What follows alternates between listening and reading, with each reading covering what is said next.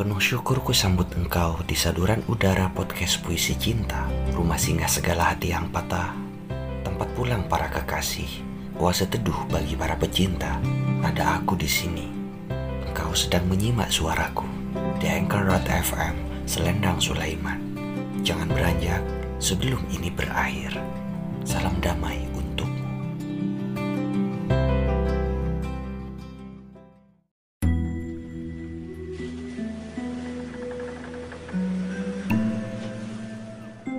Ceritakan padaku tentang siksa. Rayap-rayap kian gigih menyusun istana demi samadi sepanjang musim. Demi tubuh bertakdir sayap di lubang mau. Seorang rahib berkabar padaku usai hujan reda. Di zaman antah berantah, ada yang mengerti bahasa binatang di seantero dunia manusia.